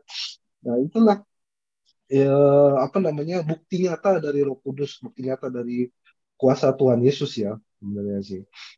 Itu. Jadi saya cuma itu aja sih. Uh, Berarti judulnya itu judulnya semua akan jinak pada waktunya ya Pak ya. Iya. betul betul betul. Iya, iya, iya. Kudus akhirnya ngirim pawang ya. Semua akan jinak pada waktunya. Iya iya iya iya betul juga. Memang itulah. Karena Tuhan nah, tahu kelemahan kita. Ya kan? Oh, yang tadi saya setuju sama pendeta Pak Didi itu ya, yang tahu diri. Itu kadang-kadang kita juga lupa diri gitu Kadang ya, lupa, lupa diri, lupa nah, diri terus lupa lautan, aduh. Iya, lupa, lupa lautan, lupa segalanya gitu. Lupa dar nah, lautan, ingat daratan. Pas ingat tahu dirinya pas belakangan gitu, jadinya. Penyesalnya di belakangan. Itu saya setuju banget dan sering terjadi dalam kehidupan saya. Gitu. Makanya Bapak hmm. Ibu, mulai hari ini ikut Roh Kudus, ingat penyesalan selalu di belakang. Kalau di depan itu namanya door prize. Betul. Oke. Okay? Jangan selalu mau nyesal di belakang. Ambillah door prize-mu di depan. Oke. Okay? Makanya semua akan jinak pada waktunya. Kita juga ini punya keterbatasan. Semua orang itu punya jurangnya masing-masing. Ya kan, Pak Sur Dedi mungkin jurangnya bagaimana? Pak Survendi bagaimana Pak Paulus Eko mungkin sudah lepas dari tikungan jurang. Saya mungkin lagi di sana. Harus tahu jurangnya masing-masing. Saya dulu itu mau disekolahkan bapak saya ke Amerika. Itu. Saya itu berangasan, Pak. Yang namanya cewek apa namanya mukuli orang itu tiap hari, Pak. Saya bilang sama bapak saya, kalau saya sampai dikirim ke Amerika, kamu hilang satu anak. Saya ngomong dengan kesadaran penuh. Kenapa? Saya tahu kelemahan saya. Tanpa pengawasan, diawasi orang tua aja saya kayak gitu, apalagi nggak diawasi. Ah, udah makin hilang dari roh kudus, saya nggak di IHK saya. Saya mungkin di ICU. Bukan di IHK, di ICU. Aduh, bahaya itu ya. Jadi Bapak Ibu harus ingat tahu diri, jangan lupa daratan. Puji Tuhan. Terima kasih Pak Niki, cepat sembuh ya. Jangan ya. baik-baik sama pawang ya di rumah. Ya. Puji Tuhan. Saya panggil Bapak Henry Giovanni sebelum bintang acara saya turunkan. Pak Henry Giovanni. Ya, shalom. Shalom. Ya, Pak. Ya. Kita belajar Roh Kudus lagi Pak hari ini, Pak. Oh ya. Hal Baik. baru mungkin. Ya, nah. saya mau ini aja paling uh, kesaksian tentang Roh Kudus. Uh, soalnya kalau pengertian-pengertiannya udah diutarakan sama yang lebih paham, saya paling apa yang saya alami saya mau ceritakan. Uh, jadi pengal kan saya ini kan uh, memang baru ini ya, baru ibaratnya masuk ke ke Kristen ini kan juga kan baru. Awalnya kan nggak jelas. Awalnya nggak jelas. Jadi penumpang gelap ya pak dulu pak? Iya nggak jelas. Jadi karena pemahaman dulu hidup seperti orang dunia ini ya biasa aja gitu. Tetapi semenjak saya masuk ke sini itu juga saya percaya bahwa saya dituntun. Masuk sini ada hal yang yang saya merasa ini benar oh ternyata salah gitu. Salah satu contohnya kan saya kan kelakuan saya juga nggak benar lah. Saya akui saya banyak dosa saya banyak melakukan kesalahan sebelumnya. Dan saya merasa Roh Kudus tuntun saya dari saya. Salah satunya contohnya dalam hal banyak hal dah. Uh, seperti contohnya saya marah saya uh, tidak jujur saya ya banyak hal. Dia banyak mengajarkan saya tentang ini salah loh ini salah. Ya benar yang tadi ya Pastor Cetan bilang bahwa Roh Kudus itu lemah dan lembut ya. Walaupun saya kalau dibilang saya ini harusnya nggak layak, cuman saya justru kadang-kadang saya kalau melakukan kesalahan lagi nih walaupun saya di dalam sudah masuk di sini itu seperti Tuhan itu saya berdoa Tuhan saya minta maaf saya salah saya kayaknya nggak layak loh Tuhan saya terlalu dosa sekali saya begini terus kenapa itu justru Tuhan itu kayak nyejukin hati saya bilang begini uh, seperti dia bilang tidak apa-apa anakku coba lagi maksudnya justru di saat kamu merasa diri kamu kurang untuk melakukan hal yang baik di situ kamu bisa dibentuk dibandingkan kamu merasa benar uh, merasa puas dan merasa benar, kamu susah untuk dibentuk. Salah satu contohnya seperti yang saya cerita mungkin yang kemarin ya, contohnya dalam hal marah. Kalau walaupun saya benar, uh, saya marahin konsumen karena saya benar, tetapi kalau saya ngikutin cara saya, justru saya nggak bisa dibentuk. Malah saya disuruh minta maaf itu hal yang aneh, makanya saya hal yang menurut saya, oh kok gue yang benar gue harus minta maaf gitu maksudnya gitu seperti hal itu. Tetapi kalau uh, saya melakukan hal itu saya merasa benar, ya hidup saya nggak bisa dibentuk selanjutnya karena saya selalu merasa benar. Justru uh, nanti akhirnya hidupnya ya apa-apa maunya marah, marah, marah, marah gitu. Jadi ya itulah salah satunya dan jadi Roh Kudus uh, saya selama saya mau kalau selama kamu merasa diri kamu masih kurang, maksudnya kurang itu dalam hal yang mau diproses Tuhan ya. Merasa diri kamu itu saya masih butuh Tuhan. Saya saya ini nggak bisa apa-apa tanpa Tuhan. Jadi saya merasa diri saya merasa tidak baik, maksudnya bukan berarti jahat, maksudnya kurang kurang. Saya perlu Tuhan pokoknya. Semua apa yang saya lakukan saya perlu Tuhan. Saya merasa kurang kalau tanpa Tuhan. Itu saya akan diperbarui terus. Tapi kalau saya merasa oh saya udah puas, justru kepuasan saya itu akan malah menjadikan saya menjadi sombong, menjadi saya paling benar sendiri, padahal hidup semua pastilah semua enggak. Saya ngerasa bahwa diri saya itu kalau tanpa Roh Kudus yang tuntun saya, saya nggak bisa. Sampai sampai sekarang ini ada di GIC ini saya nggak bisa yang pasti. Yang pasti saya akan hidup di yang lama.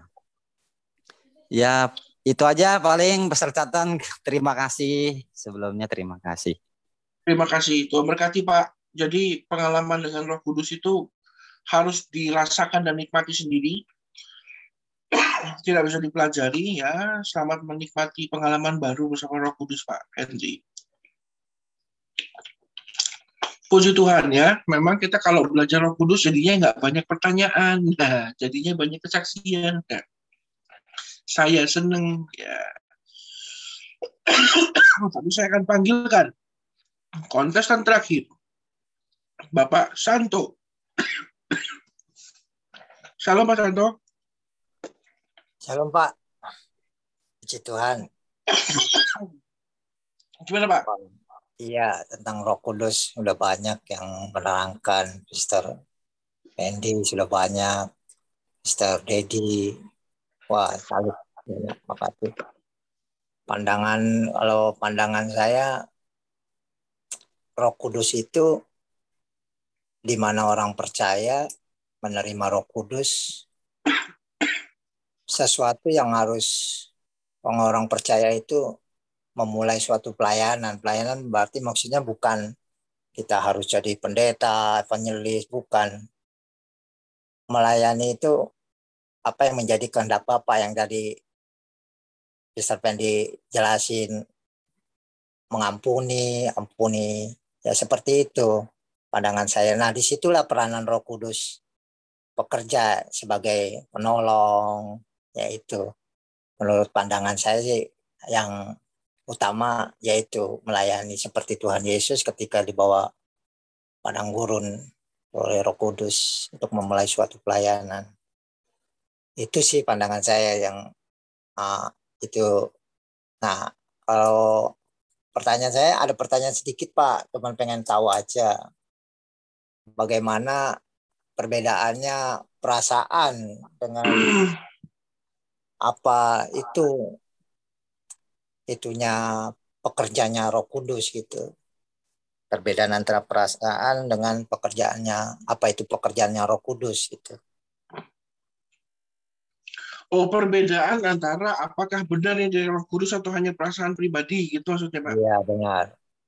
Itu. hmm, sangat kasuistik, Pak ya. Jadi sebenarnya harusnya diberikan kasus. Tapi saya pengalaman saya begini. Dengan Roh Kudus itu selalu beda tipis ya. Ini perasaan saya atau memang Roh Kudus lagi bicara. Tapi semuanya begini, Pak. Kalau kita berbicara mengenai pekerjaan Roh Kudus, itu selalu membawa kepada hasil akhirnya itu damai sejahtera. Amen. Jadi kalau misalnya Bapak diperhadapkan pada satu keputusan A atau B, lalu Bapak pikir, aduh saya rasa A nih, tapi ini perasaanku atau enggak? Kalau ending akhirnya Bapak cemas, khawatir, lalu Bapak pikir itu dari roh kudus, Bapak, tapi endingnya cemas, khawatir, nggak bisa tidur, panas meriang, gigi senut-senut, rambut cabrik, ah itu berarti bukan dari roh kudus, Pak. Karena kalau engkau mengambil satu keputusan dan seperti yang diarahkan itu akan membawa kepada sebuah ketenangan, damai sejahtera gitu. Walaupun memang kita belum tahu endingnya seperti apa. Jadi gitu Pak. Jadi kuncinya itu damai sejahtera. Semua yang dari Roh Kudus itu nggak pernah membawa kecelakaan. Selalu memberikan hari depan yang penuh dengan pengharapan. Eh, itu dia. Jadi selalu endingnya membawa kita satu tenang. Aduh, aku sudah ngambil keputusan. Jawabannya belum ada, tapi kok aku damai. Nah, itu dari Tuhan, Pak. Karena pada akhirnya sekalipun jawabannya Tuhan adalah tidak, kan gitu. Ya. Bapak tetap damai.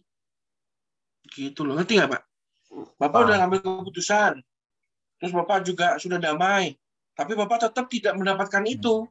Atau pilihanmu salah dan engkau diluputkan dari itu. Tetap damai Pak. Oh ya, berarti memang ini bukan rezeki saya. Oh ya, memang ini bukan haknya saya. Tuhan mau saya tempat yang lain tetap ada damainya, Pak. Gitu ya. Mungkin jawaban saya secara general itu dulu, Pak. Roh Kudus selalu berkaitan dengan damai, tenang, sabar, lalu juga bisa mengendalikan diri. Makanya buah roh itu, nah, uh, selalu berhubungan dengan buah roh itu. Gitu, Pak Santo. Eh, contoh seperti ini, Pak. Saya ya, pernah contoh, mengalami, saya pernah mengalami ketika sebelum pandemi saya ibadah di HK itu hari, eh, sore biasanya. Minggu itu rencana saya mau kerja dulu gitu. Jadi sore saya baru ibadah. Suatu ketika motor saya itu sebelumnya memang dalam hari Sabtu itu ada di dalam roh itu sepeda motor kamu benarkan, dibenarkan, maksudnya diperbaiki gitu. Dan ketika hari Minggu pagi itu saya dari berangkat dari rumah ke Jakarta itu kan sekitar 58 kilo naik sepeda motor dan tiba-tiba di jalan itu uh, dengan kecepatan yang mungkin 40 sampai 50 per jam jam uh, sepeda motor itu berhenti. Untung bersyukur saya tidak terjadi apa-apa. Uh, padahal Pak hari Sabtu itu sudah diperingatkan di dalam roh saya itu sudah perbaikin, kamu harus perbaikin di motor gitu. Nah, pertanyaan saya ini, apakah ini perasaan saya atau memang pekerjaan Roh Kudus? Gitu. Kan endingnya udah tahu. Endingnya memang. Ya, maksudnya yang kayak saya tadi ini. Itu loh Pak. Itu suatu perasaan saya atau roh kudus itu Pak. Kan tidak membawa kecelakaan gitu. Iya. Saya rasa itu dari roh kudus Pak. Walaupun Bapak nggak nurut ya. Iya.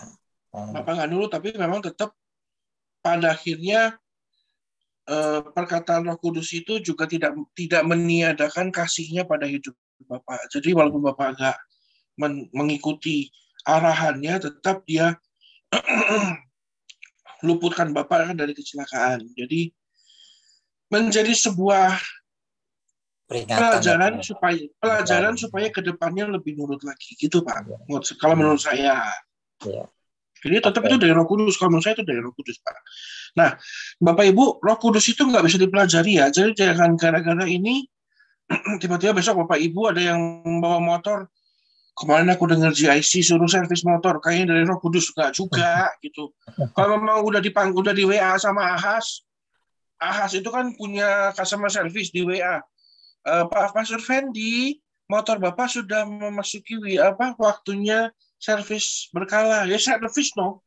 Jangan bilang customer service Ahas bukan dari Tuhan. Oh itu dari Tuhan. Bisa juga gitu. Okay. ya Bapak Ibu ya Makasih, Pastor. Jadi Pak Susanto, terima kasih. Makasih. makasih. Uh, berjalan dengan Tuhan, Roh Kudus itu learning by doing, pengjam terbang.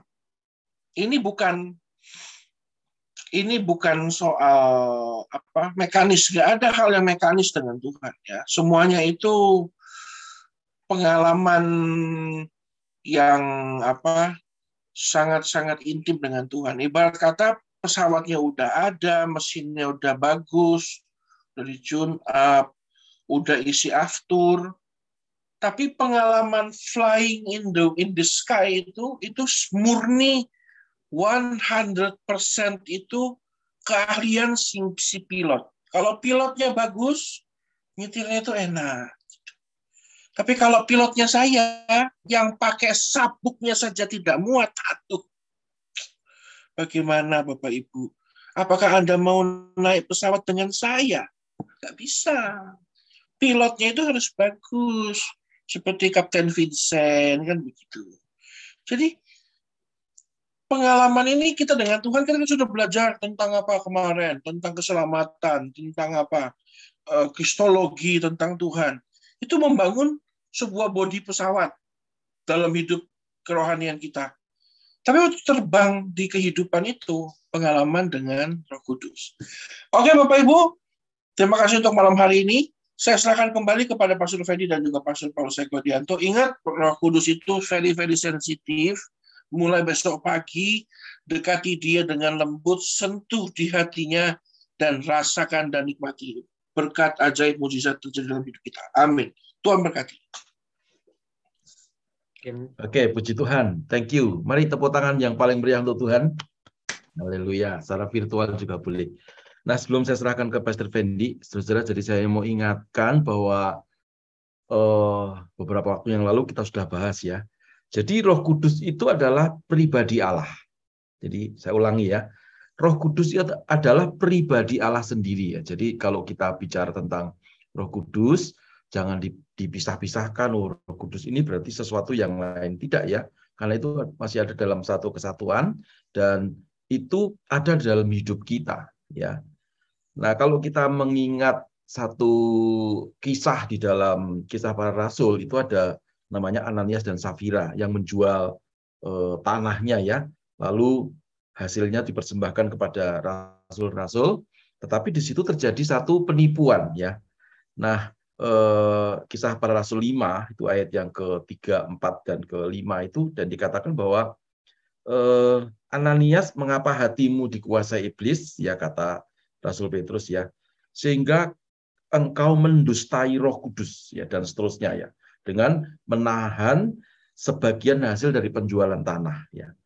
Lalu eh, Petrus berkata, selama tanah itu tidak kamu jual, ya itu kan kepunyaanmu, ya. Dijual pun mestinya hasilnya buat kamu ya. Tetapi kenapa engkau merencanakan perbuatan dalam hatimu engkau bukan mendustai manusia tetapi engkau mendustai Allah. Jadi Roh Kudus itu adalah pribadi Allah sendiri. Lalu ayat selanjutnya dikatakan ketika Ananias uh, Ananias itu mendengar uh, apa yang dikatakan Rasul Petrus, maka putuslah nyawanya ya. Dan sangat ketakutlah uh, ketakutanlah orang-orang yang melihat itu dan Ananias digotong ya dari uh, perkumpulan uh, hamba-hamba Tuhan, rasul-rasul, dan Safira melihat dan uh, Petrus berkata, kamu pun juga akan digotong seperti suami kamu. Jadi bukan poinnya pada gotong menggotong ini, tetapi saya mau tekankan bahwa Roh Kudus itu adalah pribadi Allah sendiri. Nah, ini bedanya Kristen ya, bedanya yang kita percayai dengan orang-orang yang tidak percaya kepada Tuhan Yesus. Ya. Karena iman kita kepada Tuhan Yesus itu pertama Tuhan mencari manusia. Jadi bukan manusia mencari Tuhan. Ya. Lalu yang kedua, iman kita itu eh, seperti Tuhan Yesus katakan, aku memberikan penolong yang lain. Nah, penolongnya itu bukan di luar kita, ya, tapi pribadi Allah itu ada dalam hidup kita. Nah, ini yang dikatakan menyatunya ciptaan dengan pencipta, ya. Bukan ciptaannya mencari pencipta, tetapi pencipta yang mendatangi ciptaannya. Ini sesuatu anugerah, ya. bahkan dikatakan inilah kasih karunia. Ya, jadi Tadi ada pesan dari Pastor Charlton, ya mulai besok ya Roh Kudus disapa, ya diajak bicara baik-baik ya, dan jangan mengandalkan kemampuan kekuatan kita sendiri. Karena itu hanya berakhir dengan seperti minggu kemarin saya khotbahkan, letih lesu dan berbeban berat karena kita tidak memiliki pengetahuan yang benar. Ya. Kalau kita memiliki pengetahuan yang benar lalu kita nurut Roh Kudus, maka milik Tuhan itu milik kita karena Tuhan itu Bapak kita ya. Jadi milik Bapak, milik kita. Ya, jadi kita tidak ada kekhawatiran lagi. Tetapi kalau kita minggat dari rumah Bapak, ya seperti si bungsu itu, membawa semua yang Bapaknya berikan, ya akhirnya yang terjadi di luar rumah Bapak itu hanya ada kemiskinan, di luar rumah Bapak itu hanya ada e, kemelaratan ya dan tidak bisa makan gitu. Namun demikian kalau pulang lagi, ya Tuhan akan merestitusi, Tuhan akan mengembalikan semuanya yang hilang itu ya Tuhan akan memberkati kembali kehidupan orang yang bertobat ya. Tetapi pesan paling terakhir jangan sampai kita menghujat Roh Kudus ya. Itu dikatakan di dalam Lukas 12. Setiap orang yang mengatakan sesuatu melawan anak manusia, ia akan diampuni. Tetapi barang siapa menghujat Roh Kudus kata Alkitab, tidak ada pengampunan. Bahkan dikatakan tidak ada penyalipan Yesus yang kedua kali itu tidak ada. Jadi jangan dukakan Roh Kudus ya dan jangan menghujat Roh Kudus. Salah boleh ya. Bungsu minggat dari rumah itu kan salah. Tapi dia sadar lalu dia pulang ya. Lalu dikembalikan lagi semua hak-haknya sebagai anak di rumah bapaknya. Ya, jadi itulah yang membedakan iman Kristen dengan yang di luar Kristus ya. Jadi ingat pribadi Yesus atau pribadi Allah yang mendatangi manusia, lalu yang kedua, manunggalnya pencipta dengan ciptaan. Kalau bahasa Jawanya, manunggaling kawulo gusti. Nah ini puncak dari segala kebaikan atau pengenalan manusia kepada Tuhan. Semua orang yang mencari Tuhan itu pasti menginginkan Tuhan itu manunggal atau menyatu dalam hidup manusia. Gitu ya. Nah kita tidak usah cari, kita sudah ada. Nah, karena itu mari gunakan kemampuan kekuatan Roh Kudus yang ada dalam kehidupan kita untuk menuntun, menolong dan membuat suatu terobosan di setiap persoalan kita. Tuhan Yesus memberkati.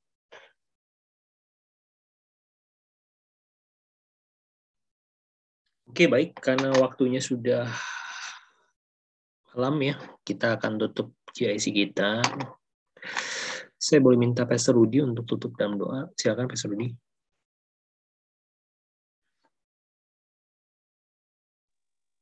Ya, shalom.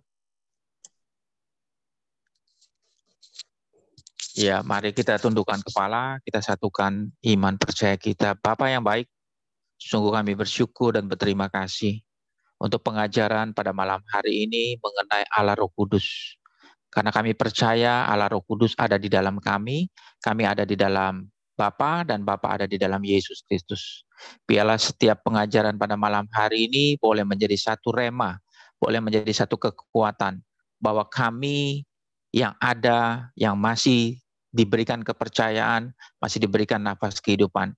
Kami percaya Roh Kudus ada di dalam kami sehingga kami boleh melihat kuasa Tuhan, kami boleh merasakan kebaikan Allah Roh Kudus di dalam setiap kehidupan kami. Dan terlebih lagi kami boleh menikmati mujizat Tuhan. Karena kami percaya bahwa kami adalah anak-anak Allah, bahwa kami adalah anak-anak perjanjian, imamat rajani, sehingga setiap kasih anugerah yang daripada Allah Roh Kudus kami dapat nikmati hari ini, kami dapat nikmati hari esok, kami dapat menikmati sepanjang umur hidup kami ketika kami mengerti bahwa Allah Roh Kudus adalah roh yang lemah lembut, maka kami mau belajar untuk tetap setia, untuk tetap rendah hati, dan untuk tetap mengandalkan Roh Kudus yang menjadi penolong di dalam kehidupan kami. Kami akan melihat kuasa Tuhan diberikan semakin hari kami semakin semakin dahsyat menjadi satu pelayanan untuk memenangkan jiwa-jiwa di akhir zaman ini. Karena kami percaya setiap kami yang punya Allah Roh Kudus